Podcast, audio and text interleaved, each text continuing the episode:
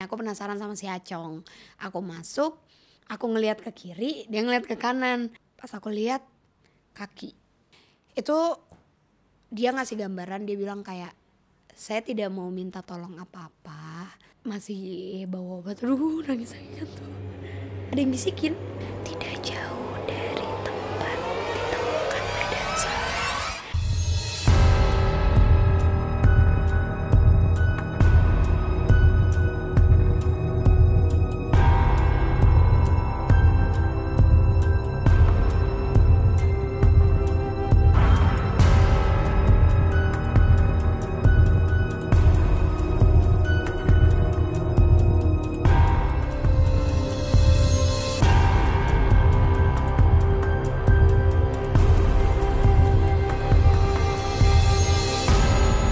welcome back to Kamis malam Jumat bersama Frisley di sini. Guru BK hantu. Tapi Yuhu. sekarang aku sering di komen kayak gini, guru BK kesayangan aku. Kayaknya mereka tahu banget aku haus akan kasih sayang. Oh siap. Awas ntar diirin. Oh iya, iya, jangan, jangan, jangan. Oke, Fris. Jadi kita hari ini akan membahas eh jadi ini ada cerita dari Oke. salah satu viewers kita yang email ke eh, email di bawah ini ya. Jadi kalau kalian punya cerita yang sedangkan kirim ke sini kita akan bahas di sini. Dan ini adalah salah satu cerita yang akan kita bahas di podcast kita kali ini. Jadi dia adalah supir ambulans. Oke. Nah sebenarnya kan kalau sebagai supir ambulans kita tahu lah ya pasti ada resikonya. Yang pertama kita harus fokus untuk bagaimana caranya ambulans itu bisa sampai ke tempat tujuan. Dan yang kedua kita juga nggak tahu nih sebenarnya eh, yang kita bawa ini apalagi jenazah sakit eh meninggalnya karena apa? Apa karena sakit? Karena kecelakaan? Kita nggak pernah tahu Iya. ya kan? Nah, lu sendiri nih pernah nggak masuk ke mobil ambulans yang buat nganter jenazah? Pernah. Pernah. Itu emang atmosfernya beda gitu apa gimana sih? Beda banget asli. Seasli itu maksudnya kan ambulan itu ada yang bener-bener khusus buat nganterin jenazah, ada juga yang untuk mengangkut orang sakit. Hmm. Nah, kalau yang mobil eh, ambulan untuk jenazah itu kayak tempat duduk kita untuk di sampingnya tuh bener-bener sempit banget kecil. Jadi kita emang cuma bisa kan yang nganterin memang keluarga terdekat kan misalnya cuma dua orang gitu duduk di belakang sambil ngejagain si keranda atau petinya atau apa pun itu. Jadi aku tuh ngerasain duduk di situ dan itu tuh aneh banget kayak apa ya kayak pintunya masih dibuka tapi keringat udah ngucur gitu kayak kuyup. Ngerti lagi deh. Serius lu? Iya sumpah asli, gak bohong. Eh gila. Eh tapi kan ini kan eh apalagi kan yang masuk-masuk ke ambulans tuh nggak tahu ya. Udah berapa ratus jenazah yang pernah ada di ambulans tersebut. Iya bener, Bener gak sih ada yang netap situ? bener sih. Tapi sebenarnya lebih ke auranya, terus juga mungkin karena aura itu jadi mendatangkan jin-jin yang ada di sekitar tempat tersebut. Jadi bukan yang kayak misalnya arwahnya masih tetap menetap atau apa itu enggak. Iya. Karena Tapi- kan pada dasarnya nih basic yang udah diajarin sama guru BK di otak gue adalah semua itu adalah jin yang menyerupai. Betul. Bagaimana kita sugestinya tuh apa? Ya udah itu yang akan Muncul. muncul. Pinter anak mama. Pinter siap murid kayaknya. ibu. Oh iya, oh iya lupa. Pinter murid ibu. Nah jadi ini ada cerita dari salah satu viewers sebut aja Pak Abel. Oke, Pak Abel. Dia adalah Siap-siap Bel abis ini diikutin. dia adalah seorang supir ambulans. Nah jadi itu dia pernah katanya eh, membawa ambulans yang dia nggak tahu gara-gara apa meninggalnya. Dia iseng tanya sama keluarga yang ikut di kanan kirinya. Ini meninggalnya kenapa? Nah keluarganya ini mama papanya dan kakak ipar dia, dia bilang udahlah dia mati mati aja. Jadi kayaknya kesannya tuh mungkin mungkin nggak tahu ya si si yang meninggal ini ada salah apa sama mereka. Cuman kayaknya ya udah eh, lebih baik dia mati dibanding nyusahin mungkin kayak gitu. Kan Kita nggak tahu ya sebenarnya hidupnya seperti apa gitu. Nah kemudian eh, dia setelah penguburan dan segala macam dia didatengin sama yang meninggal itu. Didatengin, maksudnya digangguin di mobil atau gimana tuh? Jadi jadi dia kan eh, kalau abis ngubur kan tuh kerandanya masih utuh ya. Utuh kan nggak dibawa turun kan. Nah utuh terus masukin lagi ke ambulans dan dia mau bawa balik lagi ke rumah duka Oke. buat dipakai yang lain lagi. Nah kerandanya itu geter katanya. Oke. Geter terus udah gitu eh, ditampakin sama orang itu. Dia nggak tahu kan dia nggak tahu fotonya ya. Dia nggak tahu fotonya yang meninggal itu itu yang meninggal atau yang menetap di situ. Ditampakinnya dalam bentuk muka hancur kah atau gimana gimana? Muka hancur. dia ngeliat ke belakang terus dia nengok di spion Di spion. atas oh my god gila serem banget Itu apa tuh, Fris? kalau menurut aku ya memang pada dasarnya sih ini bukan cuma berlaku di mobil ambulans saja ya sebenarnya ketika kita datang ngelayat pun kita di kuburan pun memang larangannya adalah kita tidak boleh bicara sembarangan apalagi kalau kita ngomongin orang yang udah nggak ada. Sebenarnya kan eh, kalau kita ngedoain nggak apa-apa tapi kalau kita ngomongin itu ya kita aja sesama manusia lo diomongin tiba-tiba atau lo diomongin sama orang aja kadang bisa kesel. Ya kan? Kayak ngapain ngomongin? Apalagi sama orang yang udah nggak ada lebih ke menghargai kan. Nah kalau yang aku tangkap sih sebenarnya kalau energi di mobil ambulans sendiri memang energinya itu memancing keberadaan jin-jin di sekitar tapi kalau sampai si kerandanya itu gerak-gerak terus dia nampakin dia bisa jadi memang mungkin dianya nongol mungkin karena tadinya itu si Bapak Abel ini kan penasaran kan Hmm. kenapa sih ini orang meninggal karena apa berarti rasa penasaran itu yang mengundang keberadaan si orang itu karena kan pada dasarnya ketika orang sudah meninggal itu 40 hari dia masih ada di sekitar kita Berarti memang katanya kan kalau pas ngubur atau pas orang meninggal itu kita nggak boleh bicara jelek-jelek karena Nggak dia boleh. tuh masih ada di sekitar kita. benar itu benar banget Efeknya apa? ya gitu kayak bisa didatengin. Tapi mungkin nggak ada komunikasi ya nggak ada komunikasi kayak misalnya aku berbicara sama jin pada umumnya. Ini tuh bener-bener dia diem aja tapi ya serem. Ya karena kan kita tahu kalau dia sudah tidak ada terus tiba-tiba dia nongol siapa yang nggak panik gitu. Hmm. tapi ini tuh eh sumpah ya ini tuh relate banget sama kejadian aku baru banget kemarin. Dan semalam tuh aku nggak bisa tidur. Aku baru tidur tadi pagi tuh jam 6 pagi Dasar galawers. Bukan, nggak ada galau-galauan lagi sekarang. Tapi kemarin tuh aku habis datang ke eh, kamar mayat. Hmm. Aku masuk ke kamar mayat, Hmm. eh, ke ruang otopsi. Hmm. Di mana? Ya.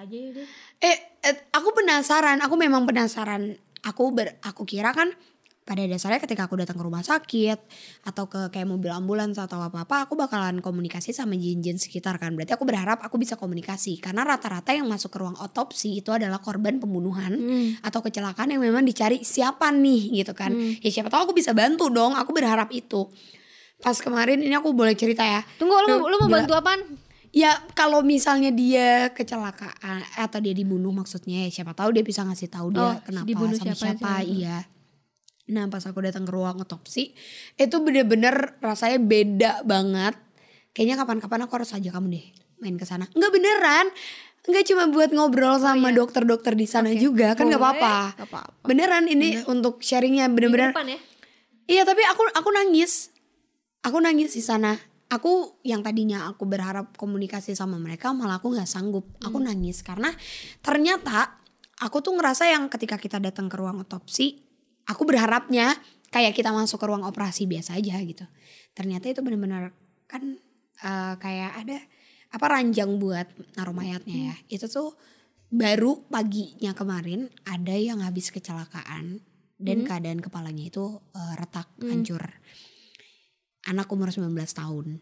Nah di situ tuh masih banyak banget darah baju dia terus eh, headset dia ada sama uang 5000 dan itu tuh aku kayak pas megang tuh kayak nggak nggak nggak bukan megang gini ya tapi aku maksudnya kayak ya Tuhan gitu. Kayak nggak aku langsung kuat. ngeliat kejadiannya lagi. Udah tuh terus eh, bu dokternya nanya kan sih kamu mau pegang mayat nggak? Enggak aku bilang gitu. Aku nggak mau kalau megang tapi aku mau tahu eh, yang di kamar mayat itu kayak gimana dan suasananya seperti apa. Dibuka lah pintu pintunya lumayan gede kayak dari sini ke sini. Itu pintu dibuka itu langsung dingin banget dingin sebanget bener-bener banget banget pokoknya sepatu aku tuh ra- rasanya kayak jadi berat gitu dinginnya. Karena emang kan di dalam namanya mayat kan biar nggak busuk kan. Jadi itu dingin banget. Aku masuk. Nah emang emang dodol anaknya. Aku penasaran sama si Acong. Aku masuk aku ngelihat ke kiri dia ngelihat ke kanan pas aku lihat ke kiri itu tuh bener-bener mayat tumpukan mayat yang tidak ada eh, yang tidak berhasil diidentifikasi. Terus juga yang tidak sampai sekarang masih belum ketemu sama keluarganya kayak bisa gelandangan atau eh, korban tabrak tabrak lari dan Itu kenapa nggak dikubur aja? karena kan tetap harus nungguin proses eh, hukum di Indonesia terus juga dokter. Jadi kalau misalnya memang memang udah satu bulan tidak ada keluarganya yang menjemput itu baru kita boleh menguburkan. Oh berarti itu ini bukan sih kayak dingin gitu ya? Dingin dingin banget. Kayak, Kayak- kamu masuk ke freezer tapi Iya, lebih dingin buat lagi. mayat ya? iya emang bener-bener buat mayat. Kamu tau gak sih yang Jadi biar di ya? film-film? Iya yang ada yang ada kayak lemari gitu yang kita Hmm. tarik terus itu ada mayat. Nah ini versi gedenya. Jadi nggak ada lemari tapi itu bener-bener sebanyak banget itu mayat yang ditumpuk. Aku lihatlah ke kiri. Pas aku lihat kaki. Bener-bener kaki. Itu aku udah nggak sanggup. Di depan itu udah kayak mayat mayat mayat tumpukan mayat yang memang dengan keadaan hancur. Nah si acong Acong ini siapa ya? acong itu yang temenin aku. Oh acong. Aku ngeliat ke kiri dia lihat ke kanan. Hmm. untungnya aku cuma ngeliat si kaki kan yang bener-bener depan aku gitu. Hmm. jadi bener-bener deket banget jaraknya aku cuma ngeliat kaki. Karena kan sempet ditawarin buat megang tapi aku nggak Hmm. sanggup aku nggak mau. Eh, karena baunya bau manusia tuh wah luar biasa. Bau banget. Banget. Tapi dingin kan? Dingin tapi bau banget. Makanya nggak kebayang banget. Ih kalau nggak dingin Nah makanya jadi ada waktunya kalau itu harus dibersihkan. Hmm. Misalnya nih ada keluarga yang ternyata dapat dan mayatnya itu di ujung. Berarti Hmm. kan itu semua harus dicairin. Jadi kamu kebayang gak sih yang busuk-busuk itu akan cair badannya dan dan petugas-petugas hebat ini akan masuk dan membersihkan itu mengeluarkan mayat. Makanya aku salut banget sama dokter forensik.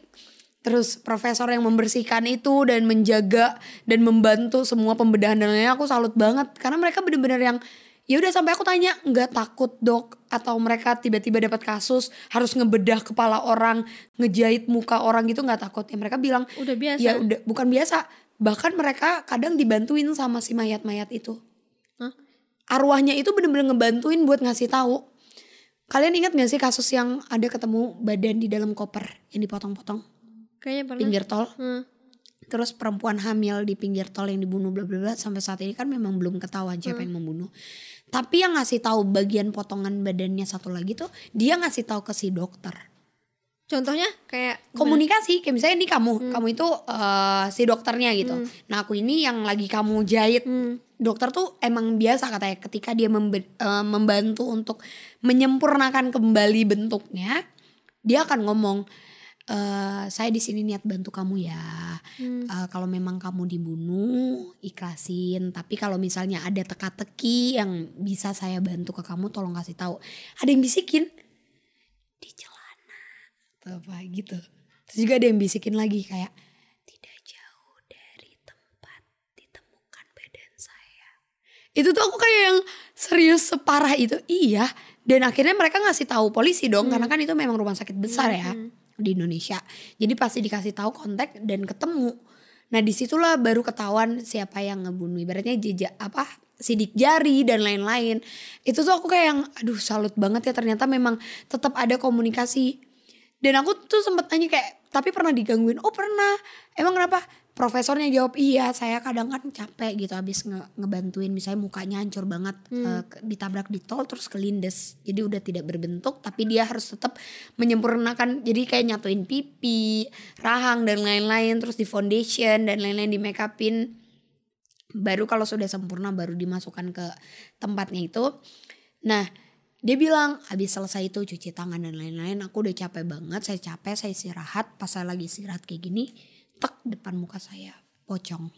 Jadi pocong perempuan yang abis dia mandiin kafanin dan lain-lain itu di sono. di depan dia. Sih kayak aduh terus profesor gimana? Ya udah saya pindah. Tidurnya di mana? Saya tidur di tempat memandikan jenazah. Aku lagi astaga.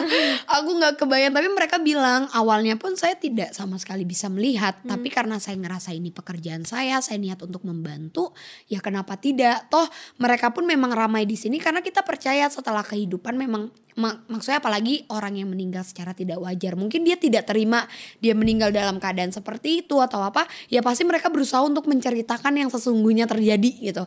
Nah profesor dokter yang kerja di sana tuh selalu selalu ada gangguan seperti itu ya nggak tahu ya ini gangguan atau bantuan Betul. tapi itu dibantu sama mereka ih seru banget ya Sumpah, tapi aku, itu pertama kalinya aku dan aku pulang sampai rumah aku nggak bisa tidur. Karena aku ngebayangin, kamu ngerti gak sih? Aku habis ngeliat kaki orang dalam keadaan kayak gitu yang udah dibantu jahit-jahit dan lain-lain dan itu keadaannya dia meninggal karena kecelakaan, ada yang dibunuh, perutnya hancur atau apa dan itu tuh aku masuk ke ruangan itu. Jadi aku pertama kali. Makanya aku nggak heran kalau cerita tentang mobil ambulans atau supir ambulans yang memang diganggu atau dikasih lihat itu wajar banget. Karena pernah ada cerita juga yang dia harus mengantarkan jenazah. Yang ngebantu buat nemuin alamatnya si jenazah itu juga. Hah? iya. Jadi eh, waktu itu dia cerita langsung sama aku. Karena kan aku waktu itu lagi syuting di salah satu rumah sakit di daerah Bandung pas lagi syuting si bapak-bapak ini udah pensiun tapi dia itu supir ambulans. Ngobrol-ngobrol lah terus saya bilang ah saya mah udah biasa kayak gitu. Tapi ada satu kejadian yang bikin saya eh, nggak takut lagi sama mereka. Dan saya jadi cinta buat menja- eh, nganterin-nganterin kayak gini tuh udah nggak takut lagi. Awalnya saya takut neng. Kenapa pak? Iya waktu itu saya lagi nganterin. Karena kan saya memang udah tua. Jadi bapaknya sekitar umur 70 tahunan. Buset. udah tua banget tapi masih mau nganterin jadi itu katanya dia inget banget kayak baru terjadi satu tahun belakangan itu dia bilang pas dia lagi nganterin dia lupa nih alamatnya di mana. Jadi pas dia mau nganterin jadi katanya itu ada ada tikungan tikungan setelah tikungan dia ngerasa si keranda kerandanya itu gerak. Hmm. kayak yang digedor gitu. Tapi dia kayak nanti ya belum sampai jadi si bapak ini udah ngomong sendiri aduh aku merinding lagi kalau inget udah biasa kan kayak gitu ya? Iya rata-rata kayak gitu karena dokter pun kayak gitu. Karena dokter pun kayak gitu gitu loh maksudnya mereka berbicara dengan tujuan yang baik gitu. Jadi dia ngomong tuh si supirnya nanti ya belum sampai tunggu sebentar ya dianterin. Bunyi lagi pas belokan duk duk duk duk.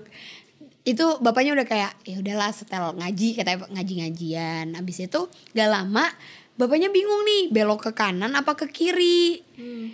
Nah terus bapaknya ngomong aduh ini kanan apa kiri ya Katanya bapak itu ngeliat ada yang duduk di belakang Duduk di belakang si bapak terus ngomong kayak gini doang Nunjuk Hah? belok ke kanan Ih, Bapak itu ngeliat di spion Sama kayak kejadian yang itu ngeliat yang nunjuk gitu. nunjuk ke kanan Tapi nggak kelihatan muka tangannya cuma tangannya doang. Karena kan itu belokan Bapaknya berhenti kan bingung ke kanan apa ke kiri. Jadi si so- dia cuma ngeliat di spion Tangan nunjuk kata dia ke kanan. Terus pas bapak itu belok ke kanan gak lama baru kelihatan si bendera kuning baru kayak oh udah udah ya udah dianterin makasih tadi udah ngasih tahu jalan gitu. Aduh aku merinding lagi kalau inget itu tuh bener-bener percaya nggak percaya ya tapi memang itu terjadi sering banget kak sering banget terjadi. Ih, mati lu. Tapi kan kalau di film-film nih apa apa kayak sekarang juga supir gue itu spion tengahnya tuh nggak pernah dipakai sama dia. Selalu dikatasin. Katasin. Karena dia pernah nyupir spionnya lihat belak eh, lihat di spion tuh ada cewek di belakang. Oke Pas dia lihat nggak ada. Jadi sampai sekarang dia nggak berani untuk turunin spion. oke. Jadi dia pakai spion kanan kiri doang. Itu kenapa banyak kayak kejadian ya kalau kita lihat cermin, apalagi di film-film nih Hmm. Ada gitu. ada nongol. di cermin gitu tapi pas lihat oh nggak ada itu kenapa sih orang-orang eh, orang-orang lagi kenapa sih mereka itu memilih untuk melihatkan dengan cara yang tidak wajar Kalau menurut aku malah itu cara terbaik mereka untuk menunjukkan ke kita. Cuma di kaca doang masih mending. Kebayang nggak pas kamu ngeliat di kaca ada, pas kamu nengok dia beneran ada. Iya kan? Iya sih. Karena energi mereka itu tidak cukup besar untuk menunjukkan secara fisik ke mata manusia. Makanya aku bilang kalau sampai ketangkep eh, penampakan gitu di kamera atau rekaman tapi bermenit-menit itu udah pasti nggak mungkin. Karena energinya sebesar apa? Dia nunjukin itu per sekian detik doang ketangkep sama mata kita. Makanya mereka akan menunjukkan lewat kaca. Karena apa? Karena itu merupakan media untuk mereka gitu kaca, patung dan lukisan dan lain-lain itu tuh media untuk mereka. Tapi ketika dia menunjukkan secara bentuk fisik, bener-bener kayak kamu ngelihat aku itu nggak mungkin. Bukan nggak mungkin ya bisa aja, tapi energi mereka Berarti bu- bukan banget. iya, bukan berarti semua makhluk yang ada di ruangan ini sekarang aja energinya sama kayak energi yang mampu untuk menunjukkan itu gitu. terus kalau misalkan di lukisan tuh suka ada yang senyum kalau kita tuh senyum gitu Atau tuh matanya ngikutin Iya, gitu ya. itu beneran Bener. Karena kan itu media. Itu tuh media banget untuk mereka karena gini, mungkin orang menangkap oh oke ada satu lukisan dengan satu muka berarti jinnya cuma satu padahal mah enggak yang aku lihat. Ada bisa puluhan jin Hah? di satu lukisan dan mereka mengumpulkan energi yang sama menjadi satu energi untuk menggerakkan itu. oh jadi patungan mereka Iya ibaratnya kayak yuk yuk yuk yuk kita yuk malam ini yuk. Yuk, iseng yuk, gitu. Iya kayak gitu. Jadi nggak yang satu oh yaudah ini tempat gue gue sendiri ya itu enggak. Tapi menetap dia di situ. tergantung dia Ada yang menetap nyaman. juga? ada yang menetap ada juga yang cuma iseng aja lewat eh lagi rame ikut ah nimbrung ibaratnya kayak gitu Oke, ini kan balik lagi ke cerita awal nih si Pak Abel ini. Nah, Pak Abel ini dia itu pas pulang katanya memang ngantuk. Oke, ngantuk kan ya Pak Abel Memang ngantuk dan kemudian di, di- dikasih lihat sama si hantu itu. Emang rawan gak sih kalau nyetir dalam keadaan ngantuk digangguin?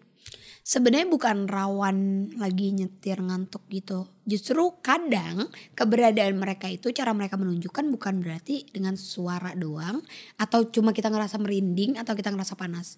Kadang saking besarnya energi dia bisa bikin kita ngantuk. Karena apa? Energi kita yang diserap gue mau muncul nih. Gue mau nunjukin gue ke Grite ya udah aku nyerap energi kamu. Kamu pasti capek kan ngerasa kok gue ngantuk ya? Tiba-tiba padahal tadi gue semangat banget.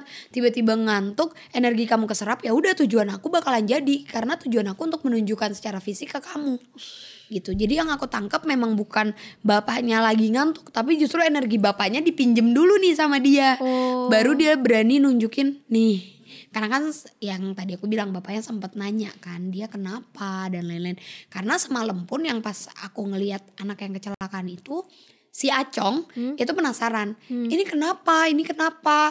Kecelakaannya di mana? Namanya siapa? Sampai dicatat sampai dicari lewat Instagram. Saking dia kepo. Semalam dia nongol. Si si Iya, mayatnya aku sampai ngomong, Cong ayo Cong tadi namanya siapa sebut? Nggak mau C sebut kita usus Roy nggak mau C kata dia kan. Aku Da- bilang nongol di mana? di kamar aku. Dia tidur bener-bener C C itu apaan? di kaca. Cong cepetan sebut namanya. Nggak mau C itu orangnya masih ada. Tanya sama dia itu bener-bener asli semalam nggak bisa Udah, tidur kita. ja- ja- jangan kepo-kepo dah ya. Iya makanya Udah, jangan kepo. udah, jangan kepo-kepo Enggak, udah ya. cukup. Biasa aja, Walaupun biasa ibaratnya kalau kalian tahu ada yang kerabat atau gimana meninggal, ya udah kita doain aja dengan tujuan yang baik gitu. Berarti kemarin tuh pas di eh, rumah sakit yang forensik itu lu nggak nggak berhubungan sama jin gitu?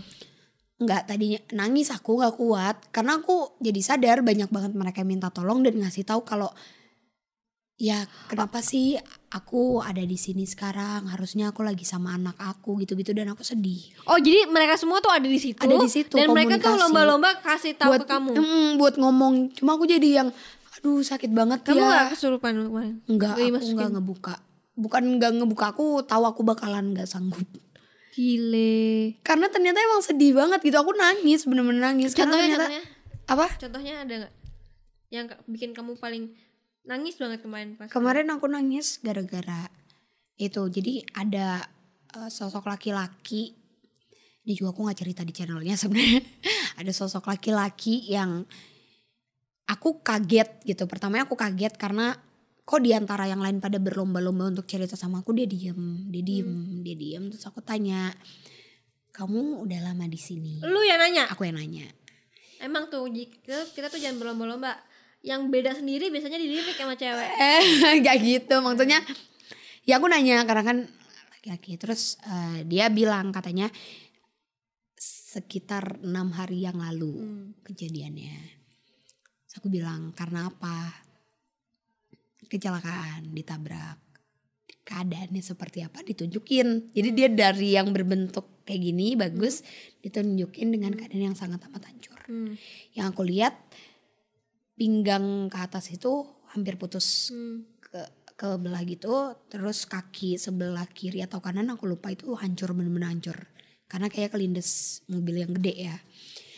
Itu dia ngasih gambaran dia bilang kayak saya tidak mau minta tolong apa-apa tapi harusnya anak saya bisa minum obat.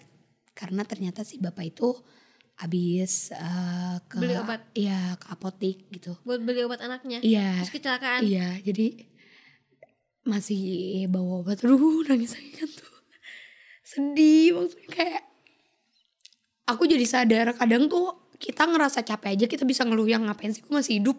Hmm. Kadang ya maksudnya kita ngerasa kayak "Hmm, kenapa harus hidup sih, kenapa harus hidup? Tapi ternyata mereka-mereka yang udah nggak ada, mereka berharap Untuk hidup. iya seenggaknya berubah satu detik atau bahkan satu menit pun mereka akan bisa hidup. iya Kayak bisa hidup kayak gitu. misalkan yang apalagi yang korban kecelakaan ya mungkin kalau gue jalan lima menit sebelum atau, Atau 5 menit sesudah. sesudah gue nggak bakal ada sekarang gitu kan Iya. nggak bakal jadi arwah gitu istilahnya Iya makanya terus dia bilang gitu kayak obatnya itu ada di eh, di yang celana yang dia pakai. masih ada di Harusnya- situ juga Ya masih kayaknya tapi aku nggak tahu. Cuma aku kayak sedih banget gitu loh kayak anaknya juga lagi sakit. Bapak-bapak itu beliin obat ternyata malah jadi korban. Sedih banget aja. Terus belum lagi ada juga yang korban yang dia hamil. tunggu tapi dia enam hari lalu kok nggak dikubur-kubur kayaknya udah dikubur sih cuma memang itu jin yang menyerap aku kan nggak tahu ya mayatnya yang mana karena kan banyak banget tumpukan mayat dan kalau di mereka itu kalau misalnya kita tahu kan misalnya kita kecelakaan terus dihubungin ke keluarga dan benar itu kita keluarganya juga kenal ya langsung dibawa pulang langsung di oke. langsung dimakamin lagi yang hamil?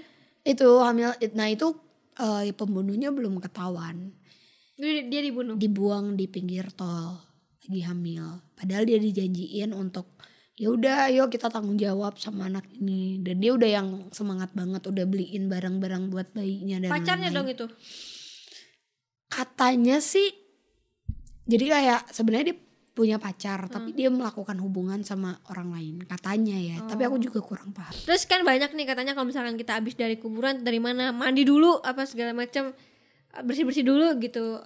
Ada juga kalau habis dari rumah sakit atau dari mana itu harus bersihin dulu mandi sebelum masuk ke kamar itu benar gak sih? Sebenarnya sih kalau dari aku pribadi ya bukan cuma dari rumah sakit atau habis ngelayat kita bersih-bersih dari mana pun tuh kita harus bersih-bersih karena apa? Karena kita tidak pernah tahu kan kalau misalnya aku mah masih enak aku bisa ngeliat sendiri siapa yang nempel atau ikut. Kalau orang kan nggak pernah tahu siapa yang nempel. Nah mereka itu makanya yang aku bilang ketika datang ke satu tempat misi-misi aja dalam hati terus udah selesai kita cuci muka cuci tangan dan lain-lain karena itu untuk meninggalkan jejak kita habis dari mana. Nah, apalagi kalau misalnya kita habis ngelihat kejadian yang misalnya eh, kecelakaan Iya. kah atau datang ke orang yang sakit gitu ke UGD ke mana-mana itu harus bersih-bersih karena biar energinya aja. Oh iya, bener nggak? Kalau misalkan lagi kecelakaan lebih baik harus difoto. Siapa? Kalau ada Misalkan korban. misalkan misalkan kita lagi jalan nih, terus ketemu orang kecelakaan, terus kita foto-foto. itu balik lagi tergantung sih. Soalnya gue ya. pernah waktu itu dulu sih udah lama banget. Abang-abang gua lihat orang kecelakaan dia foto. Gak nyampe seminggu dia kecelakaan mobil. Kalau yang itunya aku nggak pernah denger, cuma kalau yang pernah kasus papaku kan juga sering. Tapi tujuan papaku tuh takut ada yang kenal gitu, maksudnya ada yang kecelakaan tuh difoto karena takut ada yang kenal, dikirim ke temen-temennya dan lain-lain. Cuma eh, pas di foto itu, jadi kan kata papa keadaannya matanya merem, tapi di foto papa matanya melek. Serem amat. Itu serem banget, terus langsung dihapus. Jadi papa kayak papa tuh sadar banget, maksudnya kayak sadar banget gitu dia merem. Karena emang meninggal di tempat terus udah di bersihin tutup dan lain-lain. Ya matanya merem, tapi di foto papa tuh melek. Ya. Itu serem banget. Tapi papaku hapus. Oke guys, itu dia bincang-bincang tadi jangan nangis. Iya, lagi nangis. Eh. Nggak ada. Putus nangis. Nih, Marsha? gini nih. Marsha, Di sini. Emang kenapa nih? nanti langsung langsung masuk kan? Oke. Oke guys, itu dia tadi bincang-bincang aku sama Frisli hari ini. Itu adalah eh, makan malam kalian ya malam ini. Jadi ditonton sampai habis dan mungkin kalau kalian punya cerita yang menarik nih tentang horor-horor, kalau mau sharingkan silahkan sharingkan. Atau ada foto, video semua sharingkan, Kirimin. kirimin ke sini. Dan sampai ketemu di video berikutnya. Dadah! Cie, nonton sampai habis ya. Makasih ya. Jangan lupa follow Instagram aku di sini dan nonton video lainnya di sini.